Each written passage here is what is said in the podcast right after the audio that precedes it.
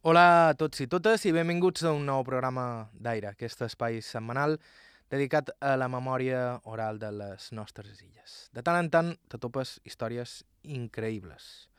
I avui toca una d'aventures. I això que se suposa que la vida d'una professora ha de ser relativament tranquil·la.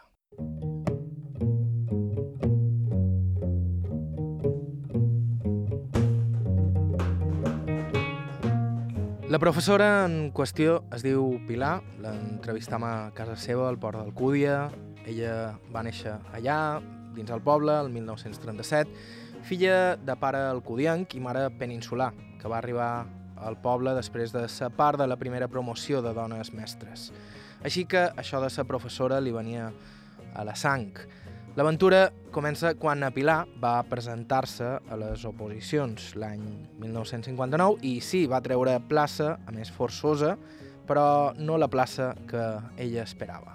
Que la plaça que me donaren era, escolta bé, Santa Marina de Valdeón, que està situada, estava situada en el picor d'Europa. Això era, i és, parlant clar, enmig del no-res. Avui dia hi ha només 55 habitants en aquest poble. Tot i que ara és relativament accessible, però l'any 1959 no hi havia ni carreteres i el poble quedava incomunicat cada hivern quan arribaven les neus. Així que ja vos podeu imaginar la il·lusió que li va fer a Pilar haver de deixar la Cali de Mallorca per partir enmig de les muntanyes de León per donar classes a unes quantes famílies de pastors. La Pilar només estaria allà dalt uns mesos, un curs, ni tan sols complet, però aquesta experiència deixaria un record vivíssim en ella i crearia lligams que encara perduren avui en dia. A continuació, escoltarem la història d'una mestra mallorquina de 22 anyats amollada enmig dels picos d'Europa. Estau escoltant Aire a IB3 Ràdio, vos parla Joan Cabot, començam.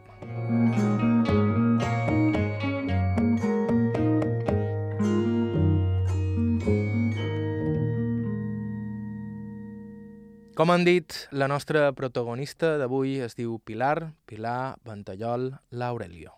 L'Aurelio, que per cert internet sempre m'ho corregeix, se me posa Aurelio. Dic no, l'Aurelio. L'abuelo era Navarro i l'abuela Baturrica. Per això, per això som Pilar. Mira qui, quina família. Sa mare, ja ho hem dit, era professora i son pare era telegrafista. Bé, papà telegrafista. Papà telegrafista d'aquí, del poble del Cudi, per cert. Era fredí. I ma mareta, eh, catalana. Estudiava a Barcelona, a la universitat, i va ser de la primera promoció de mestres nacionals. Sa mamà. La primera de totes la bé, ella, entre d'altres, però la primera promoció. I saps a vol la varen enviar? I apostes jo dic que la història se, se va repetir. A Càceres, a la Sierra, també una serra, eh? la Sierra de Gata, i de la Sierra de Gata.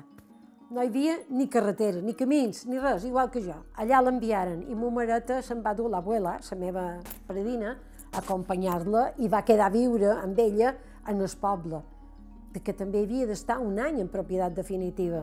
I d'allà va poder concursar i li donaren també el CUDI. I aquí varen fer amores. Ma mare és mestra i el papà telegrafista i varen fer amores i aquí vaig néixer jo. El papà, el seu pare, és història del CUDI. Pedro Venteal, suau, és la història del CUDI.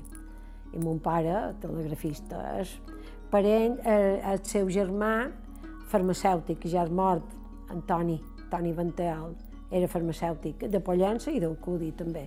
Però el papà sempre va ser telegrafista. I estem de la guerra, que era quan jo era petita, mon pare l'any 36, eh, com qui era nacional, com ma mare, mestre nacional, el varen, eh, com se diu això, enrolar, enrolar en l'exèrcit, i mon pare era els telegrafistes diríem que estaven, quan sortien els nacionals, eren els darrers que sortien comunicats entrades comunistes, els rojos. I va passar a Còrdoba i a tota aquella zona d'Andalusia fins que va acabar la guerra a Barcelona, va córrer a això.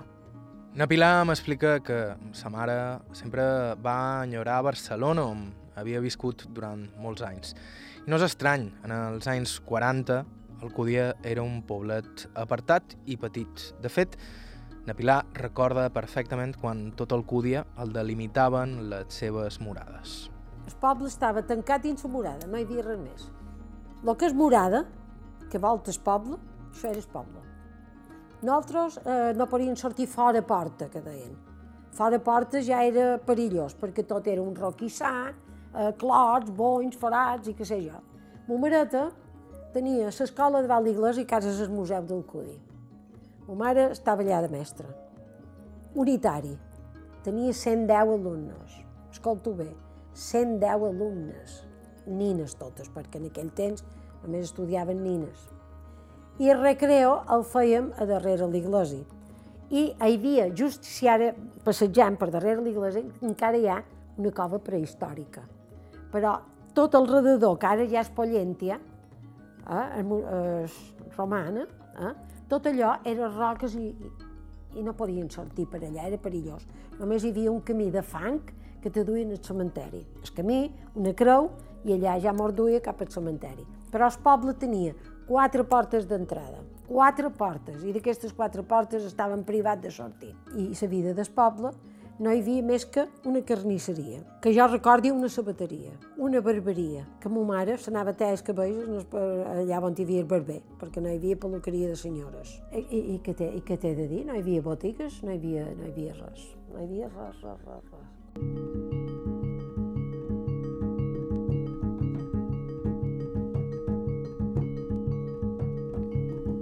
Com a filla de mestre, na Pilar podia donar classes, una d'aquelles coses que passaven en els anys posteriors a la Guerra Civil.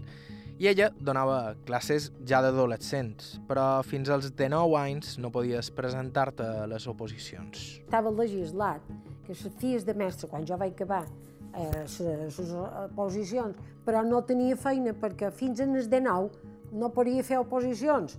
I jo tenia 17 recient complits i vaig estar dos anys preparant-me, però les filles de mestres podien tenir l'opció de fer d'interines volants. Jo vaig ser interina volant. I primer m'enviaven a fer substitucions. Vaig estar a col·legi de Santa Catalina. Vaig estar a la Soledat, però sempre m'enviaven, a la Soledat sobretot, escola d'adults, que vaig donar classes a les tapisseres d'aquella, una ximenea que hi ha a la Soledat, eh, on així ara l'han restaurat. Can Ribes. I de jo tenia, i jo era una mocosa, figura't tu, de 8 anyets, d'on venien les dones que eren analfabetes. I aquí és on comença l'epopeia de Pilar Ventallol. Es presenta per primer cop a les oposicions i treu plaça, la primera, Forçosa i a Santa Marina de Valdeón que en aquell temps podíem concursar tres vegades en l'any. I vaig concursar el primer any i me surt Santa Marina de Valdeón. Anàrem a la direcció provincial, que hi havia Miró de Missa, i, va dir, i van dir, i aquest poble? Nosaltres miram en el mapa i no existeix. I aquell va dir, diu, és que no, no figura en el mapes. És un poblet que ni siquiera haureu de demanar molta informació perquè ni siquiera hi ha carretera per arribar-hi. Van dir adjudicació forzosa a Santa Marina. Com que se suposa, vaig esperar el segon concurs i el tercer, i cada vegada me sortia adjudicació forzosa. Així és que, tant si vaig voler com si no vaig voler, havia d'anar a prendre possessió, perquè si no prenia possessió perdia la carrera. Perquè en aquell temps era territori nacional, eh? no era com ara que els que fan oposicions a Mallorca queden a Mallorca, els de Formentera queden a Formentera, els d'Ibissa queden a Eivissa. Nosaltres no. Fèiem oposicions i era a nivell nacional. I companyeres varen quedar per Catalunya, la costa del Llevant, a València, però jo, a adjudicació força no hi va haver res. Me'n vaig anar, ja me toca, a dia primer de setembre, em va tocar partir cap a Valdeón, jo era una mocosa, tenia 22 anyets. Pare me va acompanyar, anàrem a León, eh, es va parlar amb el director provincial, hi va haver l'inspector i l'habilitat. I quan me veren, van dir, sobretot l'inspector, era l'inspector Reguero era de Cistierna i Riaño, aquella zona. Va dir, Déu, filla meva, tu sabes esquiar? Dic, jo no, jo venc de Palma jo, jo no he mai. Es que cuando te veo no podrás comer nunca carne natural, així fresca ni nada. Diu, ai, jo, jo no te veig en forma de... Però has d'anar a prendre possessió. I me varen dir, a mi, a mon pare i a jo, tu te'n vas, pren possessió, i com que en aquests centres no poden anar a escola fins dia 15, torna, quan t'hagis prendes possessió, torna a León Capital. I ja mirarem com arreglam aquest assumpte perquè no mos serviràs. Vale, vale, vale. Amb aquestes esperances partirem. Papa era telegrafista. I antes d'anar a prendre possessió, se va posar en contacte amb els telegrafistes dels pobles que estaven més propers d'allò. I va ser, has sentit nomenar el poble de Rianyo, que per cert va quedar inundat, però quan jo hi era, quan jo me va tocar passar per Rianyo, era un poble de muntanya preciós.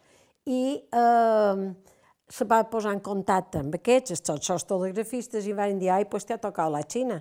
Perquè los valdeones solamente se ven una vez al año. Això sigui que és, bueno. I res, mon pare ja me diràs, partiren cap a León, de León pujàrem cap, eh, hi ha dues maneres d'entrar en el vall.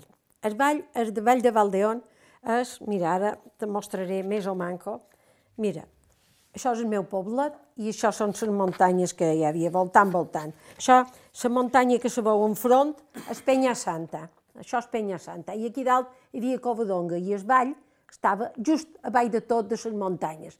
Però el vall està rodeat d'aquestes muntanyes tan altes com, per exemple, mira, eh, des de Rianyo havien d'agafar la carretera que va cap al port de Sant Isidro, que l'hauràs sentit nomenar, que va cap a Astúries.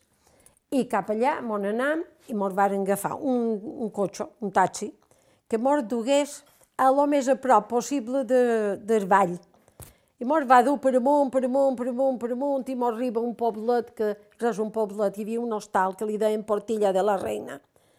I allà mos varen donar a dinar i varen cridar a, a un senyor, ja estaven en contacte, que me venguessin a cercar uh, de Portilla de la Reina per dur-me a l'alto del puerto, que se deia Pantetrave, que encara hi és, el puerto de Pantetrave.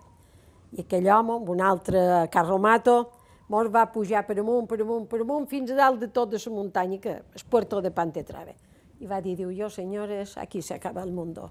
Diu, nosaltres no, no, jo no puc fer res més. Quan vàrem assajar tot i que Pantetrave, a la inspecció, no sé, a través de carteria, va comunicar que arribava semestre i nosaltres ja havia, pues, papa ja s'havia posat en contacte amb el capellà d'aquest poblet, que me cercàs un racó, una casa, allà on fos, i, i va venir el senyor que m'havia de recollir, l'amo de la casa, a peu, saps? Amb una tormenta de por, trons i llans a dalt de muntanya. Imagina't tu, dalt de muntanya, havien de davallar en el poblet, caminant com a tres hores quatre per veredes, per dins boscos. No hi havia camí, no hi havia carretera, no hi havia res. Per avall, per avall, per avall, per avall, amb un paraigua. Aquell homenet va carregar la maleta damunt l'espalda, una maleta petita que duia perquè sabia que havia de tornar a anar a León, amb esperances de fugir del poble. I, i aquell home per avall, per avall. Quan vàrem arribar a, a la casa, hi havia todos los ancianos del pueblo, seguts, eh, perquè la casa, la sala principal era la cuina, i era feia el que deien ells l'escanyo. L'escanyo era un sofà en forma d'ele, tots els vells dels pobles, senyors, majors, que esperaven a la maestra, a l'autoritat. Quan vaig arribar jo roja que roja, roja que roja, agotada perquè em va aigua xopa, davallant, davallant, davallant, hores de caminar i quan vaig arribar vaig demanar per favor que me deixassin anar al banyo, que, que necessito. És es que no tenem el banyo. Aquí lo sentimos mucho, tendrá que ir a la quadra. A la quadra. I jo dic, Vale? Digueu-me on he d'anar. Me van donar, veus, això són les madrenyes, perquè no podia anar, per, eh, perquè a l'estable, a la soll, diríem, estava just darrere de la casa.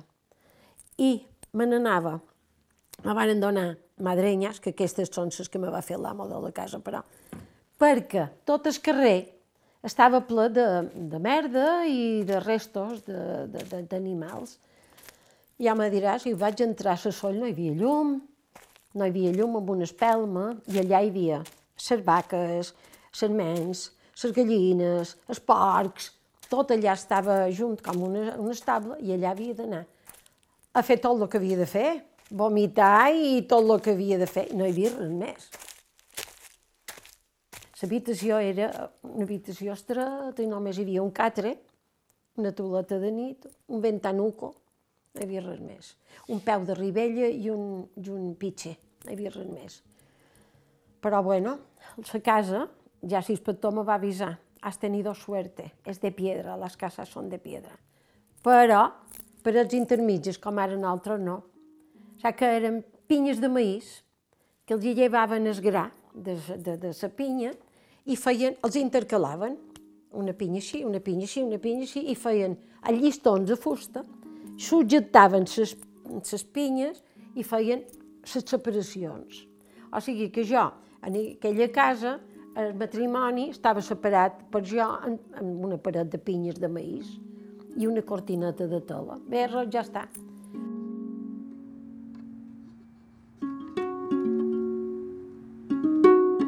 L'endemà aquest poble estava mitjan camí d'allà on jo havia d'anar a prendre possessió, que és Batla. I el Batla està a Posada de Valdeón, que és al centre del vall. O sigui que la muntanya està així i el meu poble estava aquí, a mitjan lloc. Havia d'anar baixant, baixant, baixant, i a baix de tot, allà, allà a Posada, que ja és ara, exacte, hi havia una casa gran, que era com una posada, i allà aquella ja tenia parets i tenia aigua corrent i me va oferir que m'anés a donar un banyo, que tenia banyera i tot, i allà hi vivia Arbatla, que tenia, era l'amo de tot el vall. Era Arbatla i tenia la posada i després duia un conte d'un llibre impressionant i cada full hi havia el nom d'un senyor del poble.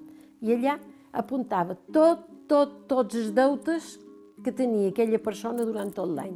Que aquest pobre, aquesta pobra gent que no tenia ni un duro anava a vendre el seu ganado i quan tornava, que venia de passar muntanya i anar cap a Astúries, quan anava a una fira, venien en dos pes, llavors anaven en es batla i pagaven ses deutes. Bé, era l'amo, Pedro Navascal. El sostal encara se diu Hotel Navascal, encara hi són, els hereus.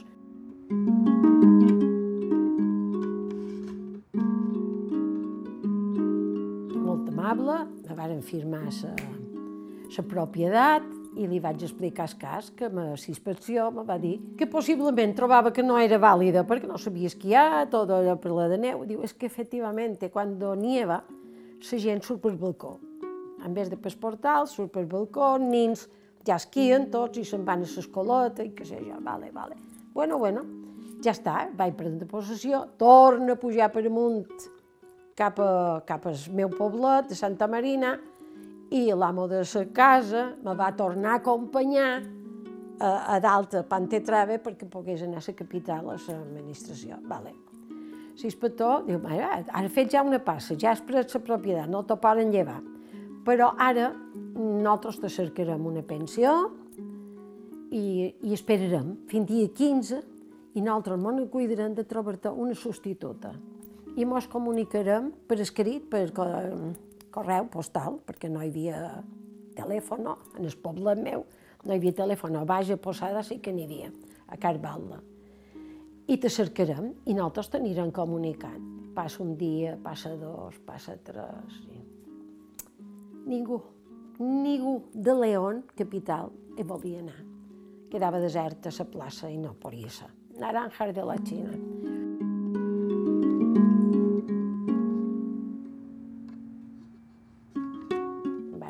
Meu, cap a Santa Marina.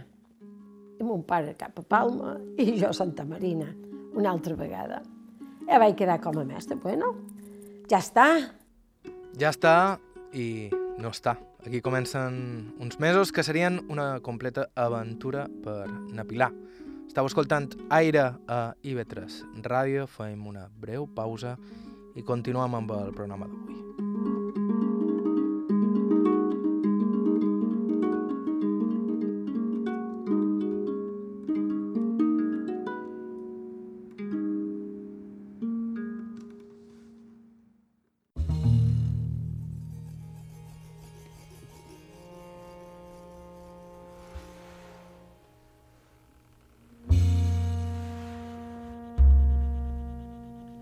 Hola de nou, estàu escoltant Aire a IB3 Ràdio. Avui estem escoltant nosaltres la increïble història de Pilar Ventallol, una professora alcudienca que amb 22 anys va haver de partir a un dels racons més recòndits dels picos d'Europa, el Vall de Valdeón, a fer de mestra. Per ara hem pogut escoltar l'aventura de com na Pilar va arribar fins allà i el primer xoc que va endur-se'n de nit a Santa Marina, quan va arribar al poble on donaria classes. Aquell poblet estava completament aïllat enmig de la vall i anar-hi a partir d'allà era realment complicat. Jo no tenia ni camí, ni carretera, ni res per arribar. Més que cames, cinc hores de camí. Cinc hores de camí. Quan vaig tornar la segona vegada per Ponton, va ser que l'inspector me va dir, te iràs amb les altres mestres i vaig anar a Posada, i a Posada me va venir a cercar l'amo de Santa Marina, de la meva casa, me va venir a cercar i me va dur en el poble, allà dalt. Però van ser unes aventures tota soleta, tota soleta. Record que a Posada vaig escriure una carta al vespre, ai, agotada, agotada, que... I, i llavors, quan me vaig des... el de matí, vaig llegir la carta, dic, no, no, no, no, no. La vaig rompre perquè dic, mon pare i ma mare Bueno, el papà se'n va anar amb una llàgrimes al León. El vaig, dur, va, el vaig acompanyar a l'estació del tren que hi ha en Guzmán el Bueno, que has estat, no sé si has estat al León Capital, i senyala, en s'ho dit, a qui no le guste León, por ahí se va la estació. I el vaig dur a l'estació i, fill meu, papà amb una llàgrimes que me va deixar allà perquè sabia el panorama que me deixava. Ara és una meravella de vall, però quan jo hi era no hi havia carretera, ni hi havia res, no hi havia camins, tot a petita, petita.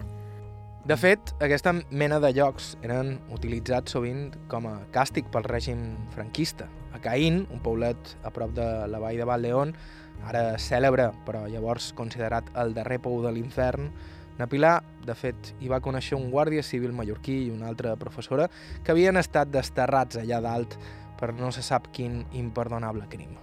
Caín és un poble que està entre Possada i Cap Astúries. Però cinc hores de camí, caminant, caminant, per un desfiladeros que no hi havia res, només passaves just, just, just un desfiladeros i a baix al riu, els cares que, pass que passava. Ara el poble, després ja ho vaig veure. L'han modernitzat, hi han posat barandilles i pot passar inclús un cotxet, un cotxe i passa. I anava de Posada fins a... passàvem per Corona, que hi ha una ermita, llavors passàvem per, un, per Caín, que és un poble que està just davant, davall d'una penya, està ficat davall d'una penya.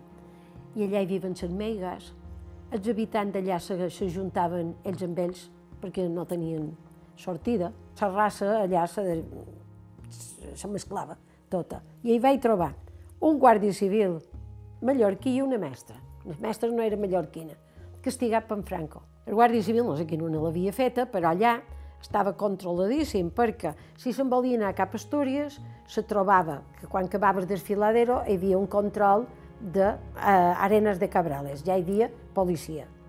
I si entrava cap a Posada, a Posada també hi havia policia, no podia sortir.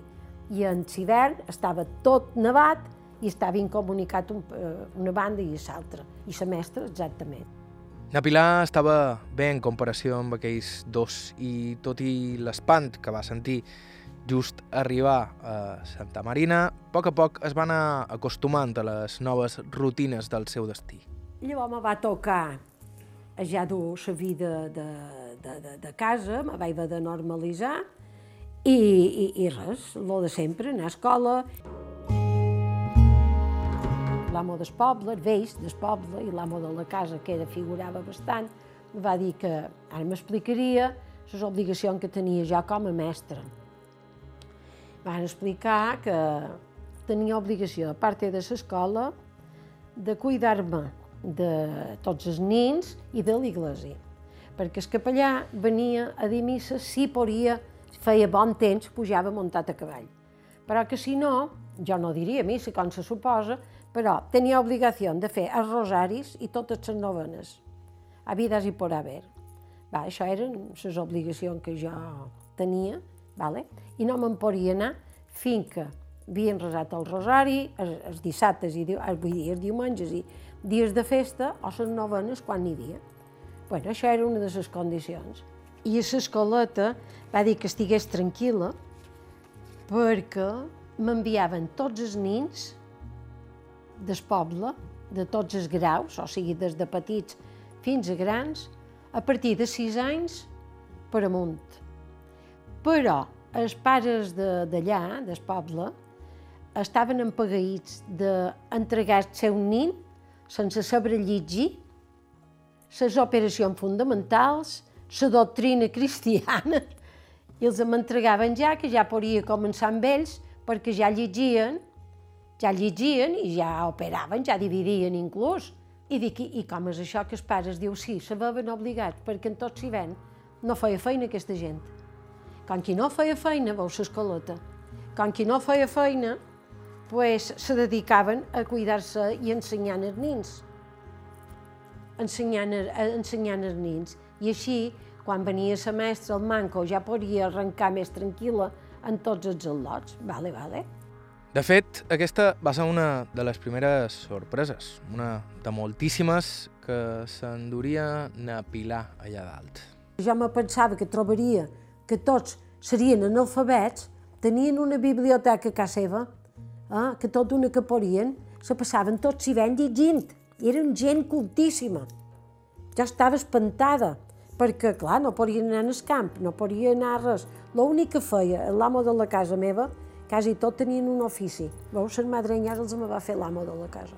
I per què me va fer les madrenyes? Perquè, quan m'anava a escola, buenos días, senyora maestra, pum, me tiraven l'orinal perquè com que no hi havia bat, els vespres, a dins la tauleta de nit tenien un orinal amb un cartó damunt. Feien totes les feines allà. I el matí, quan havien de fer llit i tot això, sortien, com que hi havia tota la porqueria de les solls, a davant la casa, ho tiraven. Buenos días, senyora maestra.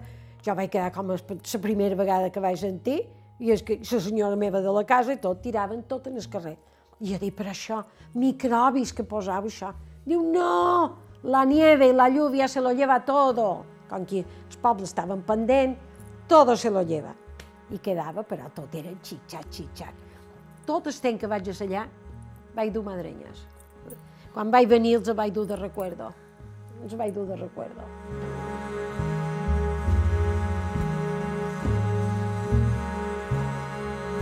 Vaig trobar una taula llarga, a dins aquesta caseta, dos taulons de fusta, una pissarrota i no hi havia res més. Guix i ja està. Vaig haver de començar a cridar a nostra que m'enviassen a través de correu material escolar perquè els nins, mira quin punt estaven, només coneixien els avions perquè els veien per alt. Però com que estaven tan a baix, ni cotxes, ni motor, ni bicicletes, no sabia res de res. Només coneixien les vaques en les juntes, aquelles que posen les dues vaques juntes per anar a les finques i tot això. Els homes eren mm, gent honesta, a més no per educats en el marc de port, però els veia, saps, d'aquell cazurros, d'un temps amb calçon de pana, una, una boina, en sonat vermell, empinaven, saps què t'he de dir? Eh, era gent així, però eren bueno, una família encantadora. I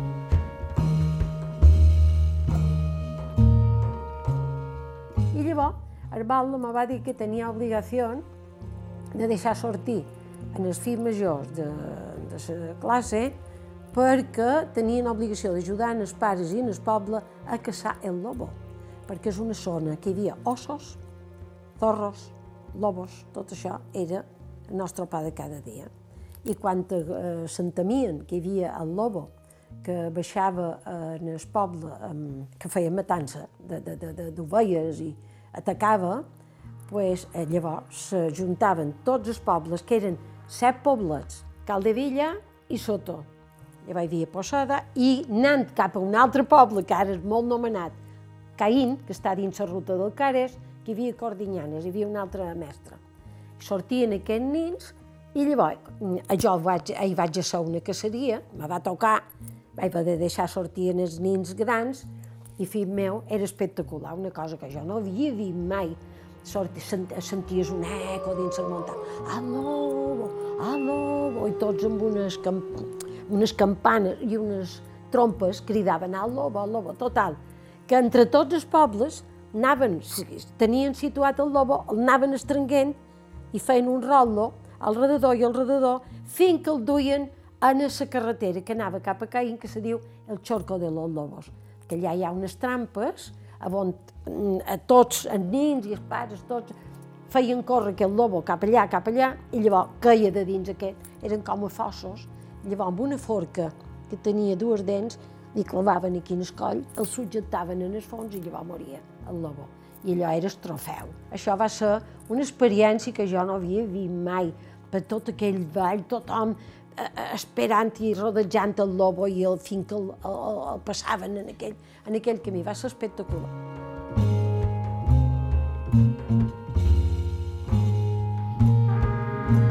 Era un altre món, era un altre món. Menjar. Els senyors de la casa me varen dir, fill meu, nosaltres aquí carn, carn fresca no en tenim. I ara te diré el meu menú. Per la mañana, patatas. A mediodía, patatolas. Y por la noche, patatas solas. Dic, ah, muy bien. I això com és això?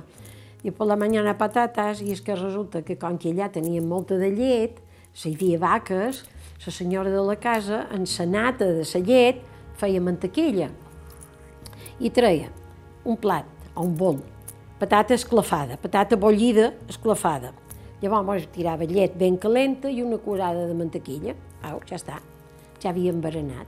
Patates bollides, perquè a dins la cuina no és com ara això, bueno, L i a davant tenien els fogons, una cuina, una cuina, un, una foganya enorme, i tenien un calderonot així per posar les patates pels animals i un altre calderó per nosaltres. I les patates sempre n'hi havia de bollides, per porcs i per nosaltres. Llavors, a migdia, patatoles, i que, que, que hem de menjar patatola. Jo les primeres vegades ja me diràs patata bollida, una altra vegada, i llavors la senyora de la casa agafava una pella i posava mm, prevabor d'aquest de matança, preva vermell picant o no picant, eh, i quan tenia la pella ben calent, xuf, tirava preva d'aquest coent i ho tirava per damunt la patata. Ja està, ja era diferent, ja era diferent. I per la noche, patates soles patates bollides i trempades amb un poc d'oli, quan en teníem, quan en teníem, si no tornàvem a anar a la mantequilla, o sigui, eh? però per a variar, carn mai, pollastre mai, guardaven el pollo per quan hi havia gent malalta, el gall o les gallines, hi havia per fer brou. Uh, ous, sí, tots els que voldíem, fèiem ous, uh, un dia feia en truita, un dia passat per aigua, ous sí. I llavors, llegum, però el llegum, en lloc de les llenties o ciuró, feia arbejos, que era com una mongeta pintada. Era això sí, un picador en la setmana, i jo, que hi posava un tros de cecina, saps què és cecina? La carn seca, era carn de l'animal que l'havien penjat i quan era seca com una sola sabata ardiantes, el posava en remull amb aigua i quan estava reblanida ho tirava dins allò perquè el donat substància. Jo no podia, allò era com a xiclet no podia. I me feia una pilota de pa, amb, amb, res, pa i ou. Me feia una pilota i això era el meu dinar. Nada més, ni carn ni res. Però, xorís, tot el que volies.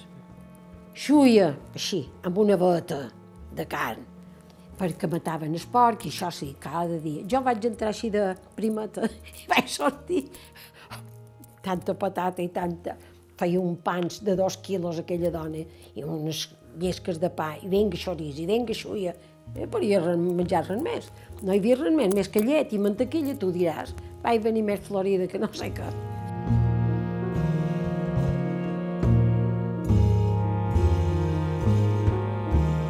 I una vegada me varen dir si, si s'ha mort un, un jato. Un jato és un, una vaqueta, un, un ternero que nosaltres deim. Allà de, els hi diuen un jato. S'ha despenyado. I ara resulta que s'ajudava a tota la gent del poble, si eren 15 cases o 20, no te puc especificar, per ajudar a la persona que era la propietari d'aquell animalet, pues, feien trossos i li compraven, cada veïnat li comprava un tros, a fi de que aquella, aquella persona no tingués aquesta pèrdua, perquè era un animalet que l'haguera venut i li haguera donat un top més. Ja m'atén a Pilar, me diu, Ale, què hacemos con este trozo de carne, Pilar? Au, venga, te poses a cuinar. Vaig fer un arrosset, l'única vegada que vaig poder fer arrosset, en sos trosset de camp fresca, una monada. Eh? Caragols, tots els que volguessis també podien... Me n'anava a cercar caragols i herbes aromàtiques, tot el que trobava per allà, eh, me feia caragols i això va ser el menjar. Però tenien fresses silvestres. Els nins, quan sortien d'escola, s'anaven a Montsenaió i anaven a cercar fressetes en el camp i duien uns cistells plens de, de fressetes silvestres i pomes. Ah, pomes sí que en menjàvem, però sap com ho feien? Agafaven les pomes i els, els estenien se quedaven com a panses, totes seques, seques. I menjàvem aquelles pomes seques. Això és l'únic de fruita que tenien. No hi havia domàtica, no hi havia cebes, no hi havia res, tot això no hi havia res de verdura. Jo vaig aconseguir que el papà m'enviés moniatos perquè aprenguessin a sembrar moniatos i variar de la patata. Eh? I l'amo va aconseguir també, per, eh, com que era el mateix que patata, moniato, i varen sembrar patata, però allà res herba pels animals i realment no se preocupaven de res més. I això és tot. Això era nostre, això era la meva vida dins aquell poble.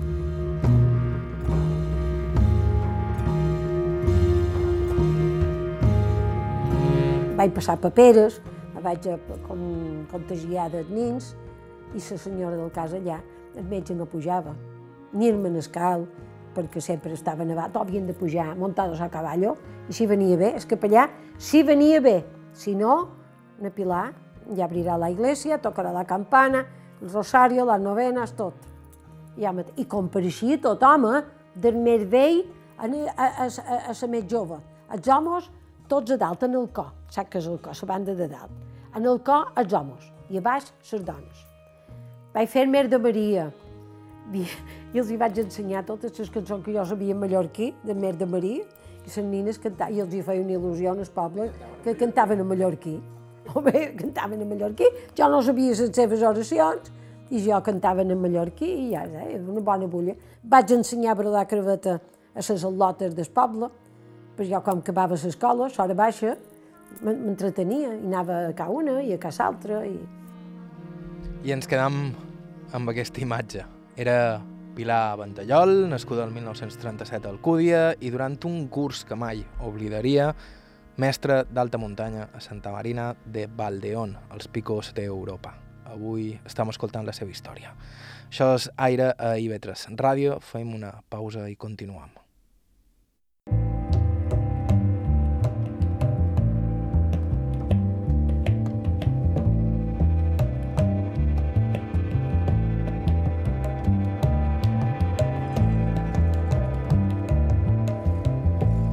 Hola de nou, estàu escoltant TV3 Ràdio, això és Aire. Abans de continuar amb la increïble història d'avui, protagonitzada per una mestra mallorquina de 22 anyats amollada enmig de les gèlides muntanyes de León l'any 1959, us recordam que podeu escoltar aquest programa des del principi, així com tot l'arxiu de aire a ib3alacarta.com i que la manera més còmoda de seguir-nos és via podcast.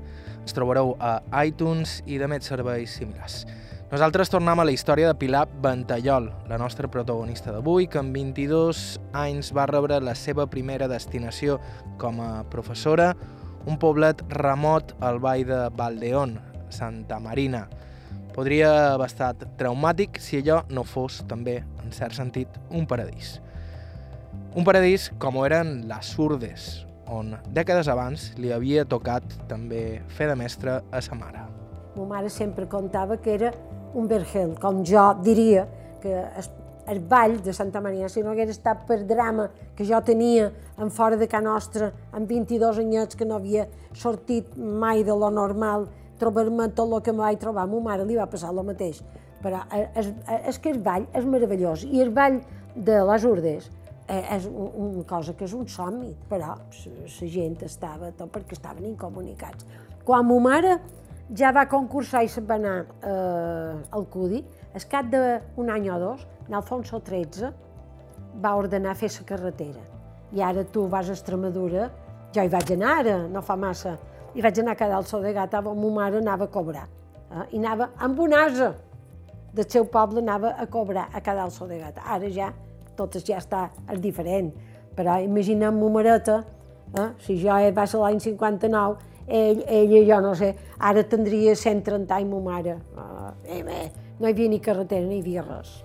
En tot cas, conviure amb els habitants de la vall tenia les seues coses. A Santa Marina de Valdeón tenien els seus propis costums i aquests costums no incloïen la intimitat. Els diumenges, quan havia resat el rosari, llavors me deixaven partir i baixava de Santa Marina cap a, a la capital del Vall, Posada, amb una hora i mitja de camí caminant, que ja trobàvem la Zorra i el riu Cares, que bordejava el caminoi, ple de serps enrodillades, bordejant el, el riu, que els nins, com a trofeu, eh, els dies de festa, perquè veien que eren el lot valent, anaven a caçar les serps i llavors em penjaven en els arpons de la barrera que quan entraven en el poble hi havia una gran barrera i ficaven les serps en els arpons perquè veien quantes serps havien agafat aquest diumenge. Jo, pànic, només d'haver de passar aquelles barreres per anar-me'n. Quan arribava a Posada, mos trobàvem amb les altres companyeres, me podia donar un bany, me podia arreglar i, i res. I quan havia xacatejat els problemes que teníem amb les mestres, eh, ja va tornar a pujar. Però jo sempre anava acompanyant la fi de la casa i no podia dir res. Si tenia cap problema, si me queixava de res, no podia, perquè llavors comunicaven els pares i era molt bona gent, molt bona gent, i era res, un, drama, si contava res. I vaig acabar, però, que ja vaig passar, vaig dir, no, deixem-me, jo me voy sola, jo me voy sola, i en les mestres allà mos aclaríem, eren diumenges només.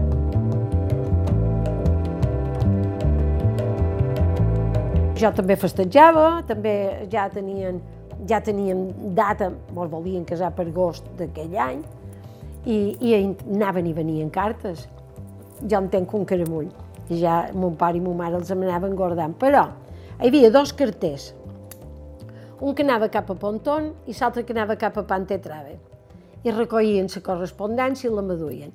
Quan me'n vaig donar compte, ja sabien que mi novio se llamava Juan i que tal. Obrien la correspondència. I tot el poble sabia de tot, fins que una de les companyeres, que ja era veterana, també festejava i diu, escolta, eh, eh, quan tanques el sobre l'has d'encreuar per darrere. I és molt difícil, si obrin, llavors tornar que, con, que les retxes mm, contacti.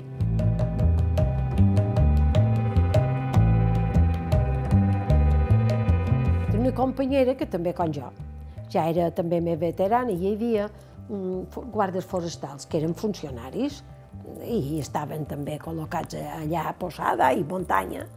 I, home, aquella lota també estava hospedada com jo i sortia, eh, se veien quan sortien de missa, sortien, anaven a fer una volta per davant la gent i se passejaven, mare de Déu, i els veien que xerraven i tot. La senyora de la casa quan va fer una o dues vegades que la va veure acompanyada, la va agafar i va dir, usted es una desvergonzada. Digo, ¿cómo que yo una desvergonzada? ¿Qué hago? ¿Y qué hace con este chico hablando del, en la plaza del pueblo, hablando y toda la gente les ve? Dic, ¿y qué pasa? No es realmente normal que xerrar de tú a tú. Si quiere ver al mozo, a escondidas. No se presente usted por ahí, que es una vergüenza. No lo haga, ¿eh? Porque si lo hace, y menos parar-se en el portal de casa, allò de dir, xerraven, se despedien el portal de casa. Una, I aquella diu, això, això són barbaritats, jo, jo estic feta, que, que això no és això, és al revés. I varen tirar una pobalada d'aigua, tots dos, perquè xerraven davant la gent. Jo me va passar a, a la casa nostra. La filla major ja era, bé, ja grandeta, bueno, de 8 anys o de 9. I quan nosaltres estàvem prenent, s'havien sopat i estaven davant la foganya, en el ventano que sentim pam, pam, pam, pam, pam. I l'amo de la casa va dir, eh, todos a la cama, todos arriba. Dic, i, i jo me tenien com una filla de la casa. Dic, i què passa? Que el mozo viene a ver a mi hija. Dic, i, i no, que, que, que millor, estan tots aquí. Diu, no, no, no, ells dos tots sols. Entrava i quedaven els dos. I tots, a casa, au, per amunt, amagats. I què passava? Pues, quan ja anava de coses en sèrio, eh, pues, a Salot un dia la rapta la s'endú a, ca, a casa seva d'ell i com que ja la nina ja l'han raptada, ja no, ja no va passar cosa, llavors ja sortia llum i se casaven.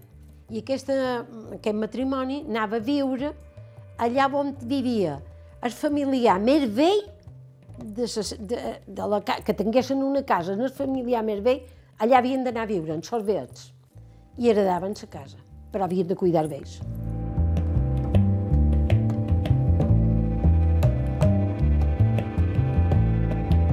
va tocar anar a fira, a baix, que hi havia les al·lotes que antes la secció femenina. Anava a donar conferències i va, els ensenyava a ballar balls eh, típics i què sé jo. I me varen convidar, que com a mestra, baixàs en les nins de l'escola i les mozas del pueblo. Ja me tens en a Pilar, ben acompanyada, cap a Posada. I quan vàrem saber, havien de passar allà tot el dia, i quan va a l'hora baixa, que ja entrada ja de fosca, acabaven les festes i jo havia de pujar cap al poble, una hora i mitja de camí, arribar, arribar fins a arribar al meu poble. Sortim d'allà, del poble, i ja bé, ben acompanyada.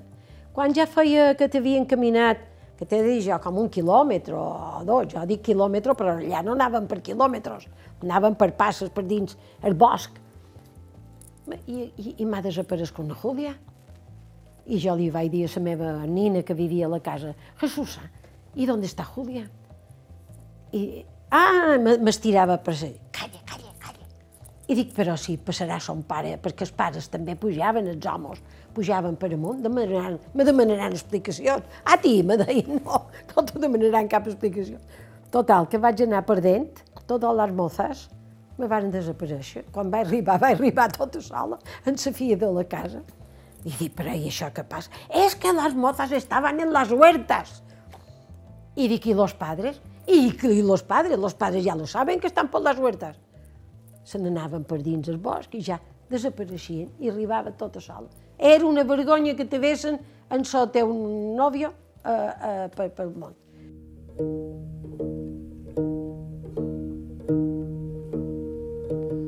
Resulta increïble, després d'escoltar totes les anècdotes que expliquen a Pilar de la seva estada a Valdeón, pensar que en realitat Només va estar a Santa Marina durant uns quants mesos, ni tan sols un curs complet. Tal va ser la impressió que va causar-li l'experiència en aquella mestra de 22 anys que ni l'inspector considerava capaç d'aguantar les dures condicions de la vida a la muntanya. Però ella va aguantar mesos i es va fer al poble i en part el poble a ella – però quan s'acostava el Nadal, na Pilar va tenir un cop de sort, un substitut inesperat. Passa setembre, octubre, novembre i na Pilar comença a veure neu i neu i neu i neu. I la madona de la casa un matí ve i me diu Pilar, creo que no te vas a casa en diciembre. Dic, i així no, no me podré ir ni, ni de vacació ni res. No, no, no, no, no. La, la nieve sube y si no, no amaina el tiempo, la qüestió que jo dic, Déu va, me va emparar. Estava acabant el rosari, vaig sortir i els homes tots jugaven a bolos. És un costum de per aquella zona jugar a bolos. I amb això s'acosta un jove i me va venir a saludar com a professor i tal. I diu jo, eh, soy hermano d'una lota del poble, jo som del poble, nascut en el poble, però estic malalt, tenc diabetis, i en el seminari m'ha enviat cap aquí per veure si me reposava. Però ja a punt de cantar missa també, aquest. I jo, l'inspector m'havia dit, si trobes persones amb estudis superiors, no s'avises. Encara que no sigui mestre, con estudios superiores. Va, catxis, quan li, quan li vaig dir, dic, mem, i tu te, te, has d'estar molt de temps aquí en el ball? I parece que sí, perquè estoy muy mal, i ja està. Dic, i no t'agradaria tu fer una substitució meva a l'escola? Ai, m'encantaria, perquè jo conec tots nins del poble, jo som d'aquí. I t'imagines tu un home de capital i ara viure aquí sense fer res, perquè no podré anar a fer feina de res. I, i dic, ah, això seria una solució. I tot d'un, me dones permís que demani a l'inspector veure si tu series apte per això. Tot d'una, me varen contestar per carta que no me preocupar, van demanar datos d'ells per passar els dobbers a el lot, el temps que estigués, i que jo tornés ja cap a casa. Mira, amb un cavall, el cavall d'escarter, m'enfilaren damunt el cavall d'escarter i per amunt, per amunt, per amunt, quan va, quasi, quasi era pràcticament les vacacions de Nadal, vaig poder sortir. I cap a casa, em vaig anar cap a León, i l'inspector me va cridar i s'habilitat. I el director provincial me va dir, mira, te'n pots anar. Te'n pots anar, però quan acabi el trimestre, que serà el mes de març, gener, febrer i març, he que regressar. I que va el curs que acaba en juliol, que verà juliol, o sigui, abril, maig, juny i juliol, els quatre mesos, sí, perquè ve el de cielo, i en so de cielo ja no hi ha tant de problema per anar esquiant cap a l'escola. I aquest lot s'ha compromès a enviar-me el parte setmanal de l'estat dels estudis de cada un dels nins. Me va cobrir el trimestre i m'enviava cada, cada setmana carta en tota la situació de cada nin i quan vaig arribar se va morir. Dies abans de jo tornar a ingressar en el poble se me va morir. O sigui que me va cobrir la baixa. I vaig haver d'acabar tot el curs i llavors ja vaig poder concursar i ja, ja, ja, ja vaig venir cap a, cap a Palma. Quan li varen dir que havia de partir un poble que ni sortia en els mapes, na Pilar no hagués dit mai, però si li demanes ara, aquell lloc enmig d'enlloc és un dels racons que na Pilar més estima i ha tornat en regularitats. Ella i tota la seva família. Jo deu fer, ara, amb sa germana, deu fer d'haver sis anys, que no hi vaig anar. Però ara ja me torna, la meva filla petita està loca per anar, i va anar en, Somo, i la neta, i està loca per tornar-hi. I ara ja me diu, jo me voy, me voy para el valle, me'n vaig, vull, vull anar al valle una altra vegada.